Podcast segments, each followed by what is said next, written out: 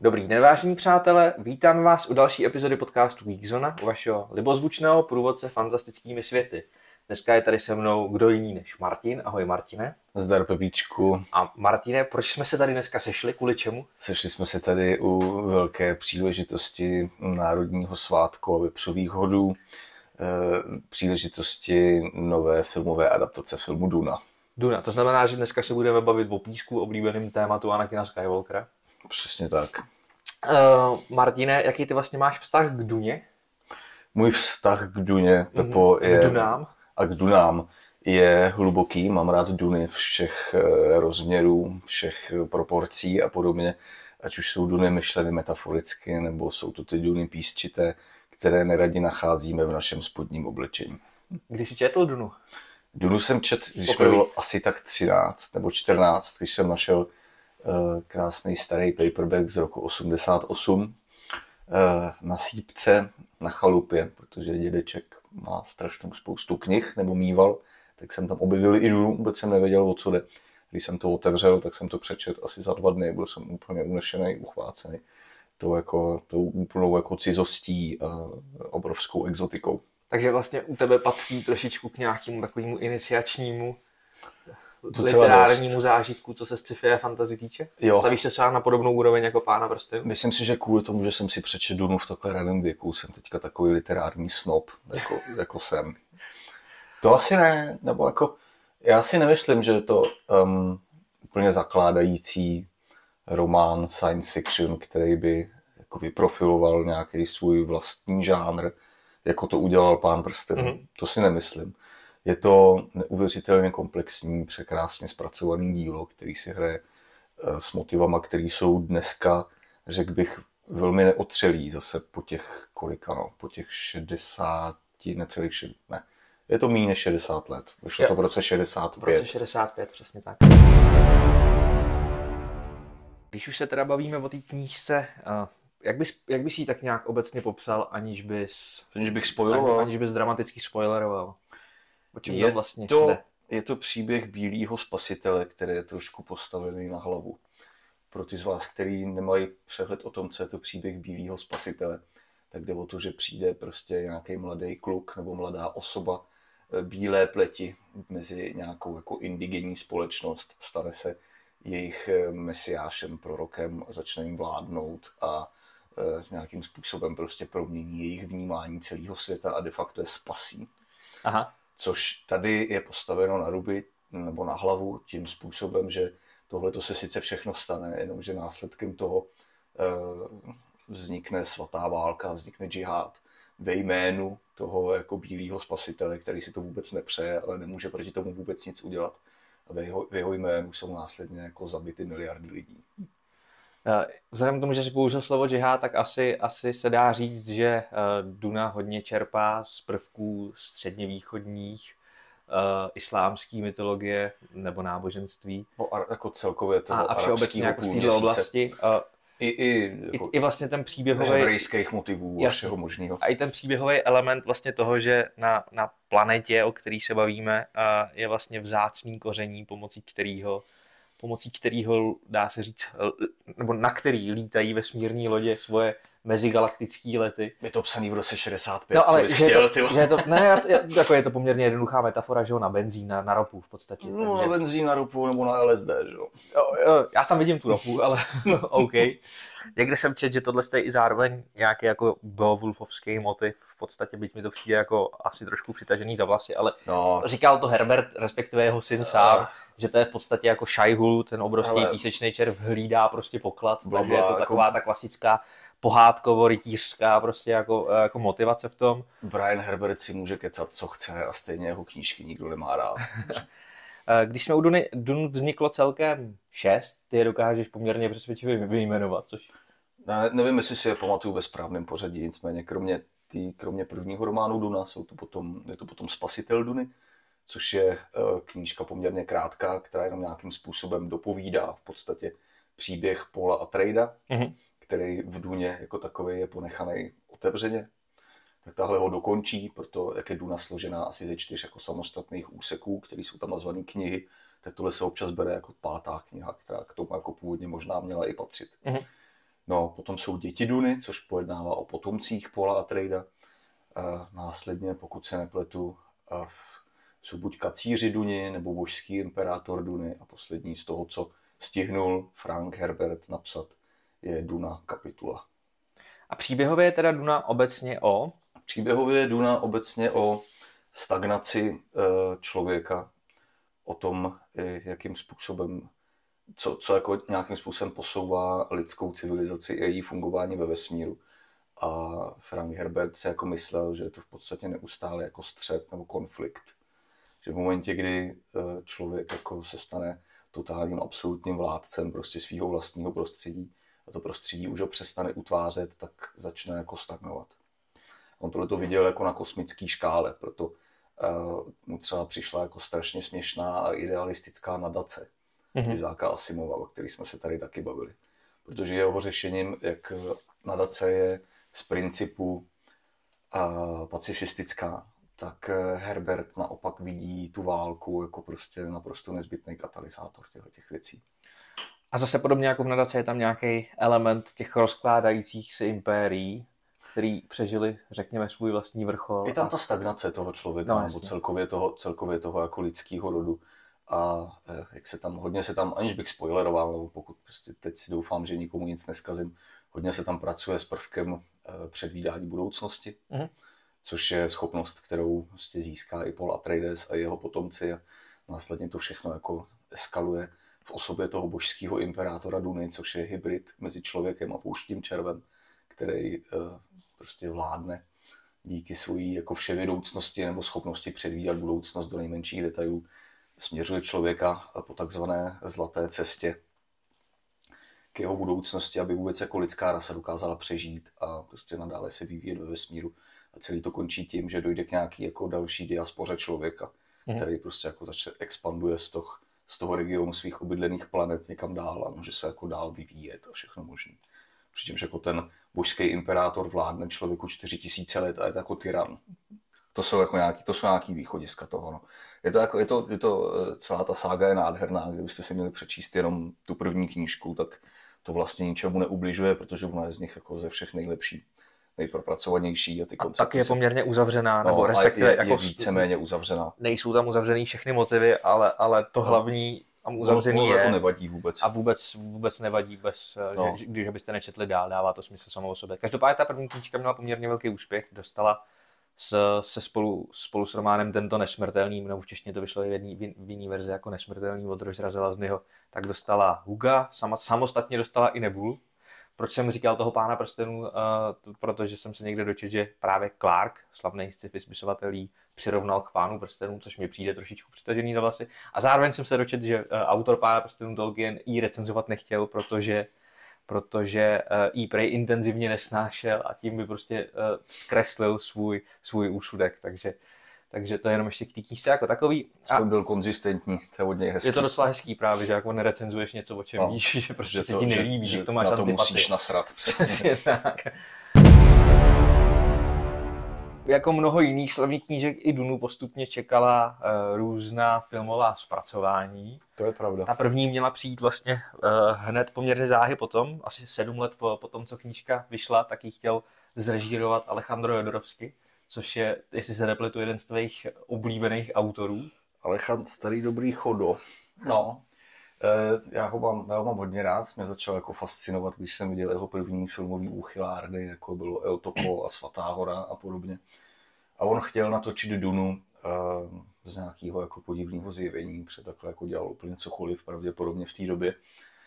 A měl to být jako největší film, největší sci-fi film všech dob, protože Eh, obrovské ambice jsou lepší než ambice žádné, takže... On, jako ten tvůrčí tým, který, který si k tomu chodo uh, sehnal, byl poměrně nasvědčoval tomu, že by to dost možná mohl být byl, byl... jeden z největších sci-fi filmů všech dob, anebo, anebo ohromný propadák. Přesně tak. On uh, jako původně chtěl, aby ta jeho Duna měla třeba 9 nebo 7 hodin jako čistého času a aby měla v člověku vyvolat stejné pocity jako trip na LSD, bez požití toho LSD. Tohle byl jako jeho, jeho pitch, jeho oficiální prostě propagační heslo. No. Každopádně o tom vypráví krásný dokument uh, Chodorovského Duna. Ten dokument je starý asi, nevím, 8-9 let a, a e, určitě si ho puste, protože uvidíte jako ty nejvíc megalomanské ambice, jak, jako, jak, jak, se postupně kupili a jaký tým lidí si ten e, Chodorovský dokázal sehnat, je úplně neskutečný. Byl tam, tak. já nevím, jestli to čte Geiger, Giger, prostě ten, ten Giger. Giger, ten maník, co navrh ve Třelce později. Uh-huh. Byl tam Mebius, slavný komiksový, že jo, prostě uh, Jean Giraud, ilustrátor. Vycházejí tady od něj komiksy horem dolem. Dan O'Bannon, což byl člověk, který byl těch 60. a 70. s největší mistr na prostě praktické efekty ve filmech, pracoval potom taky na Vetřelcích nebo na, na Hvězdných válkách. Pink Floydi měli dělat soundtrack yeah. a herecký obsazení, což je taky zajímavé. Myslím, že každý, každý zpracování Duny má vlastně strašně skvělý herecký obsazení. Že se na jako svoji nezačíná, dobu, je to zvláštní. Nezačíná, nezačíná se smálem. Jako v té v Chodorovské, Chodorovského verzi měl být Salvador Dalí jako císař, ten si prý řekl asi milion za každý natáčecí den. Pak tam měl být Orson Welles jako Baron Harkonnen, Mick Jagger, jako Fajtráta a Alan Dillon, jako Duncan Mick Jagger, Mick Jagger měl být eh, Leto. Leto a Trades. Kdo měl hrát Fejda, to nevím. Tohle jsem, tohle jsem... Ale vím, že Mick Jagger měl být, měl být eh, Leto a Paula měl hrát Chodorovského syn, syn Brontis. Ale to mě přijde, že by byl jako moc mladý Jagger v té době na, na leta. Já jsem četl tohleto a přišlo mi zajímavé, že vlastně v té uh, Lynchové verzi je to Sting, že zase vlastně jako tuhle roli stvárně muzikant, takže no, by mě zajímalo, no. jestli i po třetí to vyjde. Ale možná se pletu, možná se pletu. Uh. Ale myslím si, že to bylo takhle. Každopádně uh, to studio po tom, co vznikla, uh, vznikla, jak ono se tomu říká, um, taková kniha storyboardů, uh-huh. kterou nakreslil celou Mebius, Mebius no. která vznikala asi dva roky, když si Chodorovský se svýma tadyhle kamarádičkama pronajal nějaký, nějaký hrad ve Francii, kde to jako dávali dohromady tak eh, vznikla asi tisícistránková kniha, přesně těch jako storyboardů, obrovský tlustopis, vznikly všeho všude tři exempláře, je to extrémně vzácný. Mm-hmm. A je to v zásadě jako jediný, eh, jediná věc, která na tom filmu byla dokončena. Je, no. to, je to jako škoda, protože oni jako nechtěli od toho studia vlastně tolik na tu dobu, že potřebovali asi 3 miliony dolarů nebo něco takového na dokončení. A Nedává nikdo, to, jim to, nikdo jim to nedal. Nedává to prostě. moc smysl vzhledem k tomu, jak se o tom dalím, jak si řekl, no. přemrštěný ty. Nicméně ten film teda, jak jste správně pochopili, i třeba z toho, že jste ho nikdy neviděli, tak nevznik. Dokument o něm je krásný a ten dokument zmiňuje i, že byť ten film nevznik, tak prostě ovlivnil spoustu dalších sci-fi filmů, který přišli potom. Mimo jiné Vetřelce, který prostě čerpal i třeba z toho kreativního složení, mm. nebo Blade Runner a i samotný Star Wars, protože to se nepletu, no. tak ten fascikl storyboardu, o kterém ty mluvíš, tak se v nějakou správnou chvíli dostal do rukou George Lucasovi. Je to velmi možný, oni jako ty studia dostali každý jako svůj výtisk, no, takže možný, že Lucas to někdy viděl. A no, každopádně... Některý, některý ty záběry, které tam byly plánované, jsou jako, by, jako vystřižený z toho, co potom člověk jako viděl v různých filmech. Aha. Takže je velice pravděpodobný, že ho prostě někdo vykrad. Jeho produč, nebo ten jeho produkční tým prostě rozebrali lidi jako Ridley Scott, přesně James Cameron a tak dále. Pak natočili velikánský a nádherný filmy.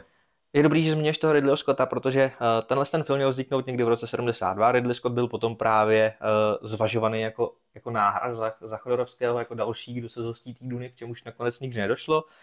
První, kdo se jí zhostil a dokončil, byl až v roce 83-84 David Lynch, no. což byla taky poměrně zábavná kombinace Víš co, jako režisér taková, versus látka. Já to Lynch ne, tehdy... nedokážu pochopit volbu toho studia v tomhle tom, že to se dáš jednomu čilanskému úchylákovi a dáš to prostě tomuhle Magorovi, který do té doby natočil jako eh, co natočil, ty vole, mazací hlavu a sloního muže. Právě sloní muž mu jako zadělal docela dobrý jméno v Hollywoodu, protože ten film úspěch měl a, a je dobrý ten film. A e, co jsem se dočet, tak tehdy se Lynch rozhodoval mezi dvěma filmama, kterým byly nabídnutý. Jeden z nich byl Duna a druhý byl Návrat Jedi, což mi přijde jako ještě možná absurdnější. Já bych to chtěl vidět. no každopádně i Lynch si sehnal docela dobrý herecký obsazení, použil svého oblíbence Kyla McLachlana, uh-huh. Sean Youngovou, která si chvíli předtím zahrála v Blade Runnerovi, Patrick Stewart tam hrál, Sting, kterýho jsme zmiňovali. Přesně, Patrick Stewart mimochodem hrál tu též roli, co v té nové hraje Josh, Josh Brolin, Brolin hrál uh, Gernyho Haleka.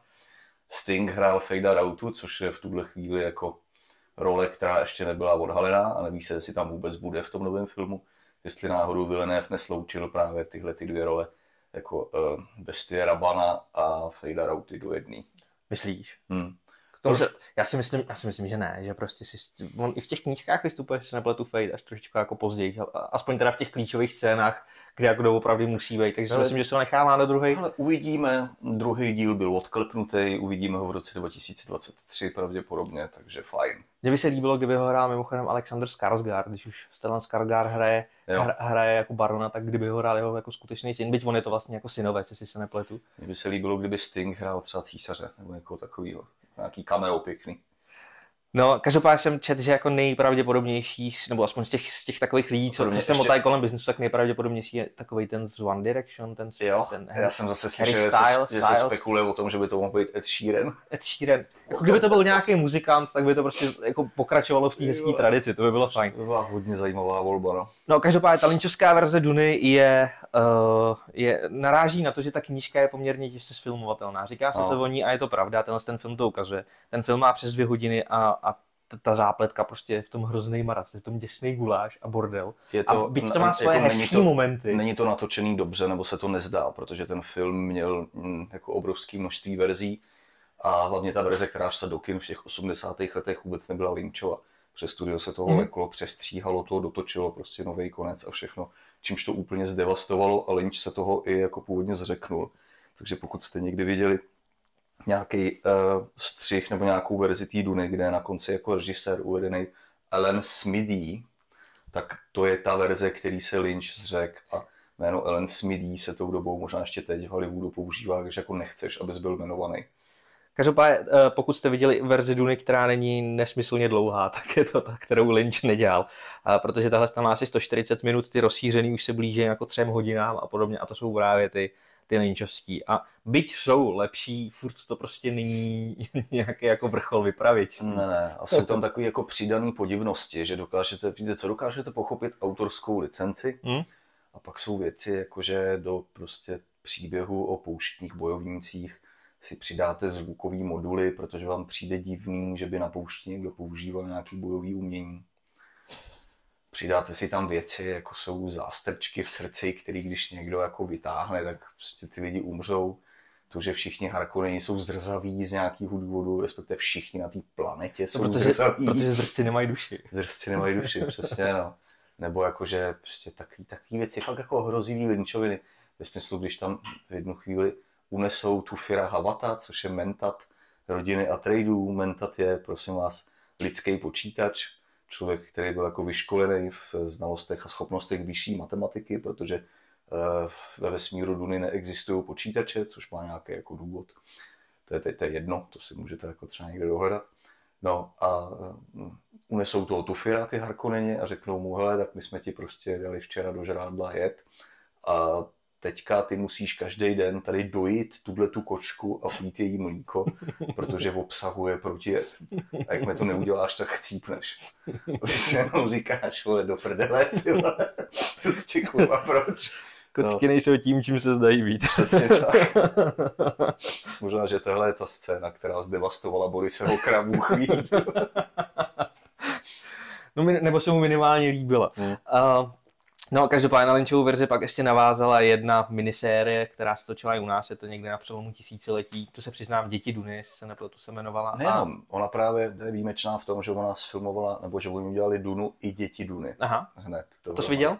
To jsem neviděl, vím, že tam hraje, um, hraje tam jednak Kodetová, mm-hmm. pokud se nepletu, ještě nějaký jiný český herci a hraje tam mladičkej, pomoz mi, jak on se jmenuje, uh,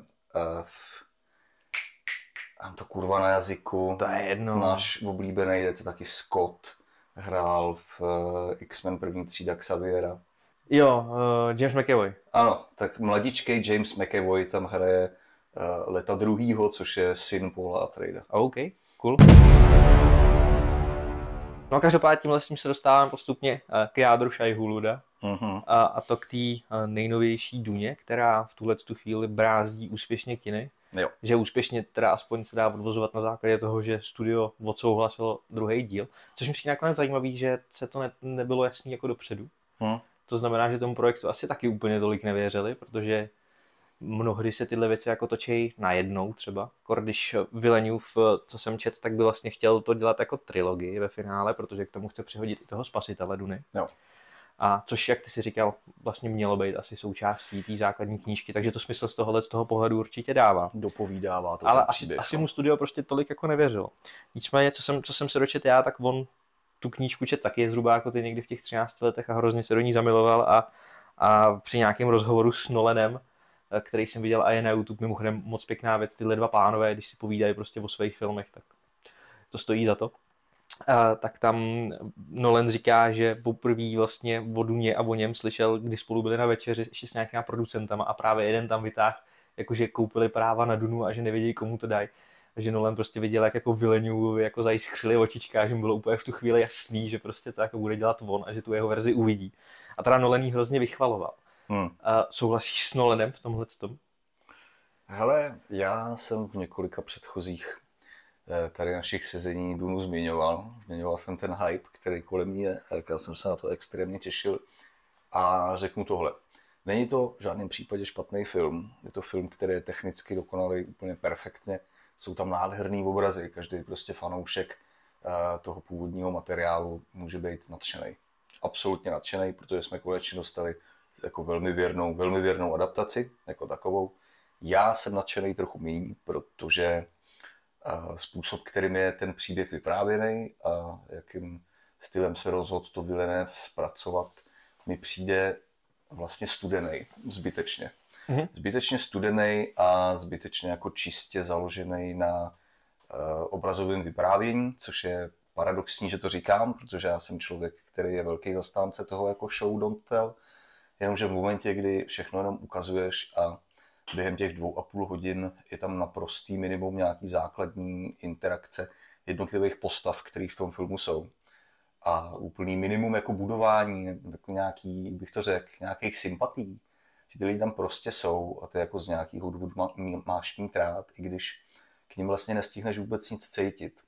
Protože ten film uh, je prostě jako jenom děj a úplný minimum nějakých jako komornějších scén. Mm-hmm.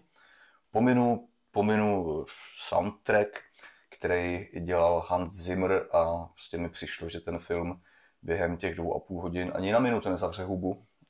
Že neustále prostě jako my jsme to ještě viděli v poměrně jako normálním kině, ale vidět to v IMAXu, tak ti musí vybuchnout hlava, podle mě. Protože ty, ten soundtrack je zajímavý, je neotřelej, jsou tam velmi jako nezemský melodie, ale já si myslím, že to tomu vlastně trošku škodí, protože člověk nemá moc čeho se chytit.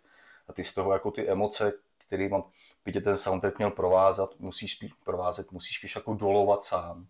No, ono je to hlavně jako, že on se snaží tebe dolo, dolovat uh, tím soundtrackem emoce i v momentech, kdy to prostě není patřičný, no. takže pak prostě tomu soundtracku v tomhle tom směru nemůžeš úplně věřit. Protože... Přesně tak. Nicméně uh, jsem rád, že ten soundtrack zmiňuješ, tam takový zábavný fakt k tomu, že kromě soundtracku oficiálního vzniká ještě takový jako neoficiální přípravný soundtrack, který si jsem dodělal. Jmenuje se to, myslím, Dune Sketchbook, nebo tak nějak. A, jsou tři celkem. A ten sketchbook je nejlepší. Přijde ti? Přijde mi, že je nejlepší. Já mám nejradši nebo toho, takový nejlíp poslouchatelný. Já mám nejradši toho jako toho Story Companion nebo Aha. Book Companion, to je ten třetí, který otvírá takovým jako velmi jako mírným tématem, pak zase jsou tam prostě nějaký klasický jako strojový hučení, který jo, dneska používá každý. Jo, v každém filmu dneska prostě, no. A tak. No, každopádně ten film je nádherný, co se obrazu a vůbec toho audiovizuálně jako týče. Mně to nepřišlo, že by to nějak extra řvalo, ale, ale uh, je fakt, že se prostě fakt Villeneuve soustředí na to, že vypráví ten film skrz prostě to, co se jako děje a ne hmm. skrz ty postavy. Hmm. Což, což je možná nebo ne možná, určitě je to, to vlastně nejvíc smutný na tom, protože eh, jak ty si zmiňoval ten hype, tak on ten hype potom ještě nabobtnal tím, že prostě ze zahraničí chodili ohlasy nebo od novinářů ve smyslu tohle je nový pán prstenů a hmm. podobně. Mm. A to je ta největší blbost, co jde. Blbost, protože, není. protože šváš, šváš jsem si jako koukal, pán prstenů má 172 minut, hmm. společenstvo prstenů má 172 minut. A za těch 172 minut se tam za, za prvý stane mnohem víc věcí a za druhý dokáže skvěle představit 9 postav, minimálně 9, 10 dokonce, když budeme počítat no, no. A ještě, ještě Gluma v podstatě dá se dokáže představit velkou plejádu postav, takže vy je chápete, chápete, co oni chtějí a chápete, eh, kdy se oni jako bát a proč se oni bát a a máte je prostě rádi. Tady je těch postav míň, eh, stopáž je zhruba podobná a jak ty si říkal, ty postavy jsou ti ukradený, protože prostě zhruba jediná jako představovací interakce, která tam je, jeden prostě trénovací souboj na začátku. Hmm. A, a pak už se to děje, jako že postavy vlastně spolu jako nemluvějí, hmm. oni jenom jako něco jak bych to řekl, dělají dělaj statement prostě jenom. jenom no, jako, jako... Pak, tam, pak tam Jason Momoa párkrát s... obejme Timoteo Šalameta a to je jako všechno a ty říkáš, jo, to je ten ček, co objímal, tak já budu mít rád teďka, ej. Jo, jasně. Ten, no. co objímal toho kluka, je, který je fakt nesympatický, já doufám, že ho sežere Shai Což je tam nejsympatičtější postava. To. Ale to je většinou. Každopádně, uh, prostě nejsou tam jako moc kvalitní dialogy, jako spíš sledy monologů, podle no. mě. Ty postavy spolu moc, moc ne. To navíc jsou některý i trošku převrácený oproti tomu, jak se dali vnímat v knížce. Třeba Jessica, o který, o který uh, jsem mi právě říkal, že, že jako to je jeden z těch největších rozdílů, že vlastně v knížce je hrozně silná. Mě to mrzelo, protože ona je jako strašně silná postava, když člověk vidí do hlavy, že jak ona, jsou tam jako obrovský, obrovský rozpory, který ona musí překonat. A jedna jako z nejsilnějších scén, no. co, tam, co tam vůbec je, tak je scéna, eh, kdy přijede eh, matka Gaius Helen Mohiamová, dorazí ještě na Kaladan, což je domovská planeta Atreidu, hrdu Atreidu. Takhle my jsme jako vlastně neuvedli, o čem ten příběh jako takový je, jo, tak já to prostě jenom tady malinko schrnu. Jde o to, že... Uh... To jsem potom chtěl, když jsem se tě ptal, no, o čem ten příběh já, ty jsi vytahoval bílýho spasitele. Já jsem to zakecal, no. Jde o to, že existují, uh, jsme v budoucnosti, v, v roce dva, uh, 10 tisíc něco, kdy lidská rasa expandovala prostě po celém známém vesmíru, země je dávno ztracená, nebo se o ní nemluví, není vůbec důležitá. A celá jako společnost lidská je řízená jednak císařem, Eh, padišáhem, padišáhem imperátorem, Šadámem čtvrtým, tak nějak se jmenuje, nepamatuju si to přesně, už jsem to přece jenom dávno. A kromě, kromě císaře má jako značnou, uh, značnou politickou moc galaktický velkorody, kterých je několik. Duna jako taková se zabývá hlavně eh, velkorodem Atreidu a velkorodem Harkonnenů. Přičemž Atreidové jsou good guys a Harkonneni jsou víceméně zmrdi. A celý, celý je to o tom, že nejvzácnější surovina ve vesmíru, takzvaná, takzvaný melanč koření, který se nachází na jediném planetě, prostě objevený člověkem, která eh, na planetě Arrakis, tak zvané Duna, tak je jako nej, nejvzácnější a nejzásadnější surovina pro celý impérium člověka. Mm-hmm. Protože krom toho, že prodlužuje život, expanduje vědomí, tak taky umožňuje uh, cestování vesmírem v podstatě. Protože ho používá organizace, která se jmenuje Vesmírná gilda, jejíž jako zmutovaný navigátoři, který tady nevidíme, tak eh, používají koření nějakým způsobem k tomu, aby dokázali ohnout čas a prostor. A v zásadě taky mají jako nějakou schopnost předvídání budoucnosti, takže dokážou tu loď nějakým stylem prostě bez úhody provést z jednoho toho ohybu na ten druhý. Mm-hmm. No, je to jako Star Trek, akorát prostě skokový pohon, že se prostě můžeš přenést kamkoliv. No a základní zápletka je v tom, že Duna byla do této chvíle pod nadvládou rodu Harkonnenů, který prostě vykořišťovali místní lid a podobně. A imperátor z ničeho nic rozhodnul, že Harkonneni odejdou, jejich místo převezmou Atreidové. Mm-hmm. No. Ale imperátor nemá úplně nejčistší úmysly. Imperátor nemá Harkonneni taky nemají úplně nejčistší úmysly. taky ne a o tom je jako teďka ten první díl. V podstatě taková hra o trůny. V podstatě trošku taková hra o trůny. Smí, smíň rody a, no. a s čistšími motivacemi, Přesně bez tak. nějakých uh, postav, které hrajou na dvě strany. No, uh, každopádně Každopádně jsem měl na něco odpovědět a neodpověděl jsem na to. Jo, na tu Jessiku jsme, o té Jessice jsme se bavili, že vlastně v té knižce je to jako silná postava, tady se z ní snaží dělat spíš takovou jako panu Marii, podle mě jako no. ženu matku zranitelnou a s obavama o svého syna. Ona jako má svoje silné momenty v tom filmu prostě, ale není jich, jako, není jich jako tolik a přijde ti, že vlastně to, co se tam děje, ona nemá za stolik pod kontrolou jak by jako teoreticky měla mít. Já jsem zmiňoval tu scénu, kde eh, Kaladán, na Kaladánu Paula a Jessica navštíví její jakoby nadřízená, protože mm-hmm. Jessica pochází ze sesterstva Bene Gesserit, což jsou, řekněme, čarodějnice, když to nějakým způsobem jako s obecním, s obecním který taky prostě dlouhý století, tisíciletí možná uh, se snažili trénovat nejrůznější uh, trochu nadpřirozené schopnosti a podobně, takže ovládají třeba takzvaný hlas což je schopnost jako modulace vlastního hlasu tak, že zapůsobí na nějaký nejbazálnější prostě podněty v tvém vědomí a ty nemáš jako jinou možnost, než ten hlas uposlechnout. Já ti do toho skočím, to je, to je tam krásně jako natočený, ten hlas. To je, to je za, prvý, za, za prvý jako zvukově je ten hlas dobrý, že jo, zní jo, jako, jo. jako podbasovaně jako nějaký prostě vnitřní, no, vlastně. hluboký povel nějakým původním jazykem nebo něco takového řeknu. A to jak ona mu poručí, a, ta, ta představená, a, on jako se mu zatmí, najednou je před ní prostě a klečí, že to je skvělé. Na YouTube to přesně i Vilniu v jednom videu, kdy rozebírá scénu právě tuhle, tu, eh, tak, tak tam popisuje, že vlastně nechtěl, aby to vypadalo jako, že prostě nějaká zombie přejde místnost, ale že vlastně jako kdyby tam ta postava, která ovládá v tu chvíli hlasem, jako kdyby na chvíli upadla do spánku a najednou se prostě probudí na jiném místě než je, takže v podstatě nějaký druh jako jak bych to řekl, hyp, prostě. hypnózy nebo něco takového, přesně no, tak. to vypne, pak přesně tak, což, což, je super. To se mi dobrý. moc líbilo a líbilo se mi, jak, jak nad tím přemýšlej. Jako no. Vůbec ten rozbor scény z podání Villeneuve jenom ukazuje, jak ten člověk ohromně přemýšlí nad jako nad tím obrazem a nad tím, co ta scéna má říkat, ale a... Puste si to video a všimnete si, že ani na chviličku jako moc nepřemýšlel, co vlastně ty postavy mají říkat. Co ty postavy mají říkat a co to jako má, co to takhle. Ty postavy On něco, říká, co mají stělesňovat, co mají prostě jako přesně, čím, čeho jsou symbolem, přesně tak. jaký emoce prostě to, ale, ale jako ne, ne, neříká tam vlastně, co ty postavy dělají pro ten tam, příběh. Co tam jde, přesně. Proč je ta interakce tak důležitá a proč je tak důležitý, že ta interakce proběhne tak, jak v té knize proběhla. Protože um, tady je třeba jedna strašně známá věc v Duně, který se říká litanie proti strachu, mm-hmm. což je věc, která se poprvé objeví v této scéně. Je to uh, několik vět, který si opakuje Paul Atreides v momentě, kdy prochází tou zkouškou.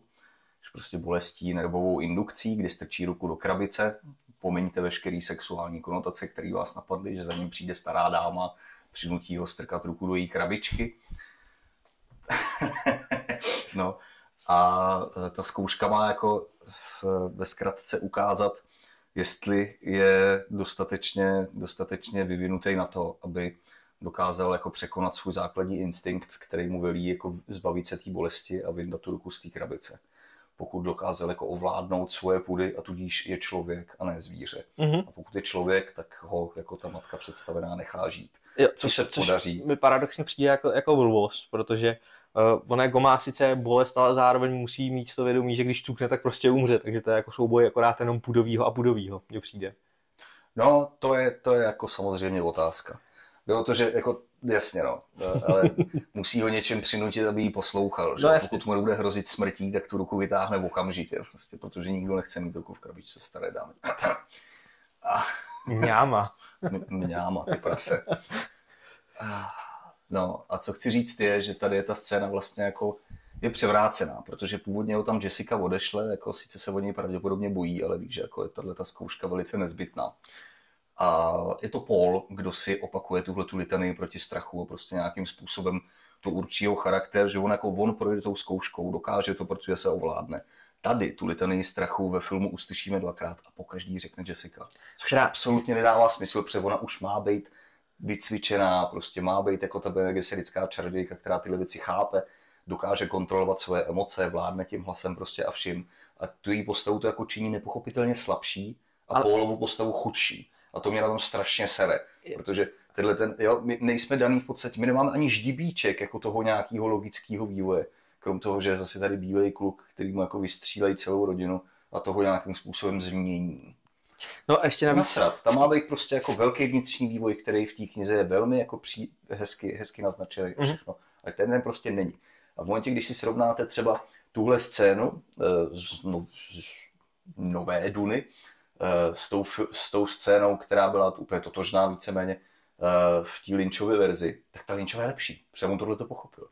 Tam je interakce mezi postavami, tam je prostě to, jak to budování toho napětí, jo, ta práce s tím, jak ona prostě mu nějakým způsobem uh, sugeruje to, že, jako, že zažívá tu agónii, mm-hmm. prostě, a co se jako děje s tou rukou v té krabici a všechny tyhle ty věci. A hlavně mu pak vysvětlí, k čemu to mělo být. Mm-hmm. Což tady vůbec není. Takže v momentě, kdy jako divák, divák to s tou nemůže pochopit obrazem, protože tam jako není, nikdy explicitně řečený. Tam je jenom eh, stará bába mu drží u krku jehlu uh, pak ji vytáhne, řekne dobrý a odejde do prdele, už tam nikdy není potom. Ještě jednou se tam objeví při nějakým, kujou tam pikle společně, jestli se nepletu. Ale... Opravdu, tak já, se to se ani nepamatuju. Uh, Určitě to pro tohle není podstatný. Co se týče ještě tohle z toho drobného té Jessica, tak tam způsobuje ještě jednu věc, že podle mě v knížce a v té třeba i té Lynchové verzi, ona prostě věří, že ten její syn je vyvolený. No vlastně. Ale v tenhle ten moment vlastně jako ta její víra není zase tak pevná, když ne. se o něj tolik bojí. Tam prostě Takže to je na tom bulí, bulí za dveřma, křižuje se tam, Přesně tak. něco, ty si říkáš prostě, krávo, tak co to děláš prostě? Jako, ty víš, že tvůj stviny prostě Bůh, vlastně, malej, Superman. Má to být, to je Kvisat Haderach, ten, který překonává cesty, to je. Ten, který ten matriarchát se no, vrhne. to svrhne. no, to je jedno. Každopádně, uh, mě vlastně jako když jsem ten film viděl, tak, uh, nebo dokoukal, tak mně přišlo, že ten film se snaží ohromovat, což dělá, protože hmm. je ohromný a velkolepý, ale nesnaží se moc prostě bavit. Hmm, to ne, no. Není to prostě film, u kterého bys, eh, nechci říct vypnul a relaxoval, ale jako u kterého bys fakt to prožíval skrz emoce, nebo tak emoce tam třeba jako mě přijde, že tam neždímali žádný. Skoro vůbec. Přestože tam prostě momenty pro to jsou.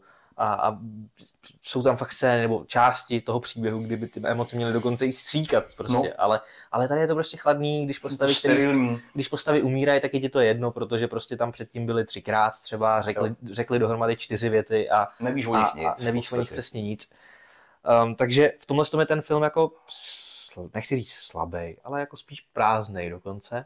A jsem zvědavý, jak se k tomu jako postaví v té druhé části, která je, mi přijde nějakým způsobem jednodušší na to vyprávění, protože tam prostě se to víc uží na, na, na hlavního hrdinu hmm. a na jeho putování a už tam nejsou takový ty jako rodový různý hrátky, je tam dokonce i nějaký antagonista, že jo, ten hmm. a tak podobně, takže tam je to prostě jako na ten narrativ jednodušší a proto jsem na tu dvojku poměrně zvědavý. Hmm. No, Jak ty jsi jo. říkal, bude tady v roce 2023, to znamená, že za dva roky, za dva roky se dočkáme a na ten film určitě běžte nebo si ho puste, protože je prostě velký a bude se o něm mluvit ještě dlouho. Bude. Ale asi k němu nepřistupujte jako k, jako, jako k nějakému prostě novému pánu prstenů, protože to, ne, to, to jenom ne. jako skazí ten zážitek každému, kdo tohle to přirovnání budete řekne. Se, no, budete se cítit jako já, když jsem odjížděl z toho kina, cítil jsem se velmi nepochopitelně podveden. Že jsem si myslel, že jdu na svůj nový oblíbený film a pak jsem odjížděl, jako byl jsem smutný, že to tak nebylo. Mimochodem zajímavý je, že ten film záhy po tom, co byl v kinech, tak se dostal vlastně rovnou i na streamovací platformy. Zase je to takový ten mix spuštění, myslím, že to bylo asi tři dny po premiéře v kině. A určitě uslyšíte, že byste ho měli vidět v kinech. Hmm. Uh, uslyšíte to od každého a je, samozřejmě na tom něco pravdy, ale mě na tom napadlo, fakt by jako filmy měly být točený jenom s tím, aby lidi viděli v kinech, neměly by prostě fungovat, kdyby si se pustil na telefonu, ty vole není jako to, to důležité na těch filmech právě ten příběh, který musíš pochopit, ať to vidíš prostě i doma na televizi. Jakože k čemu jsou filmy jenom, který můžeš vidět jenom v kině, když stejně jsou v kině jenom dva měsíce. Ten film prostě přece má být jako, jako aby dosáhl nějaký statusu, tak musí fungovat jako dlouhodobě, to znamená i na té televizi. Ale jde o tu pompu, jde, to přesně, chápu. jde o tu, tu epiku, jde o, tu, o ten rozměr, o tu obrovskost, která je, když si to, jak ty si řekl, pustíš na telefonu, dost jako blbě e, dosažitelná. To chápu, ale jakože i tak by ten film, já neříkám, že, nemá, že má být na televizi stejně dobrý, ale má být funkční. A já myslím, že on bude funkční. A pokud se prostě uh, filmy točí jenom s tím, aby, si, aby, aby fungovaly jenom v kíně, tak je to prostě špatně. Kor, no. kor ještě ten IMAX formát, což mi přijde jako taky strašně zajímavá věc. Viděl jsem prostě porovnání některých scén jako v IMAXu a mimo IMAX a ten v tom IMAXu je tam, že jo, tam je prostě jiný poměr hmm. stran a je tam asi jako 20% výšky navíc. A v těch 20% se mnohdy odehrávají fakt jako hezký vizuálně věci, které ty v tom kině jako běžným nevidíš. Hmm. To znamená, že v podstatě ta správná volba je pro tebe jenom IMAX, což hmm. jsou což jenom pár kin tady v, jako v Čechách. Že? 4, 4, 3, 4 kina, to je ta nejdražší volba, a která už, existuje. Už běžný kino není plný zážitek, televize tím pádem taky není plný zážitek, takže ne, prostě vole? přesně. Zlatý knížky, tu si užiješ kdekoliv. Hmm, přesně, a, a je lepší než všechny filmové adaptace dohromady. No, aby jsme to tady úplně moc nenatahovali, protože si myslím, že mektáme už hrozně dlouho a většinu lidí už to musí určitě začít štvát, nejspíš už to vypnuli, tak přečtěte si, přečtěte si knížku, puste si film, puste si uh, Jodorovskýho Dunu, protože to je úžasný dokument. Jo. Budete a... z toho srát stejně jako my, když jsme to viděli poprvé. A to je film, který bych fakt chtěl vidět i v těch hmm. sedmi, osmi hodinách. Hmm, já bych si, to, abych si ten čas udělal. A napište nám třeba, jak se, jak se nová Duna líbila vám. Hmm. No a vy nenapíšete, ale to je jedno, můžete to zkusit. Zkuste to. No a buďte dobří. Buďte dobří.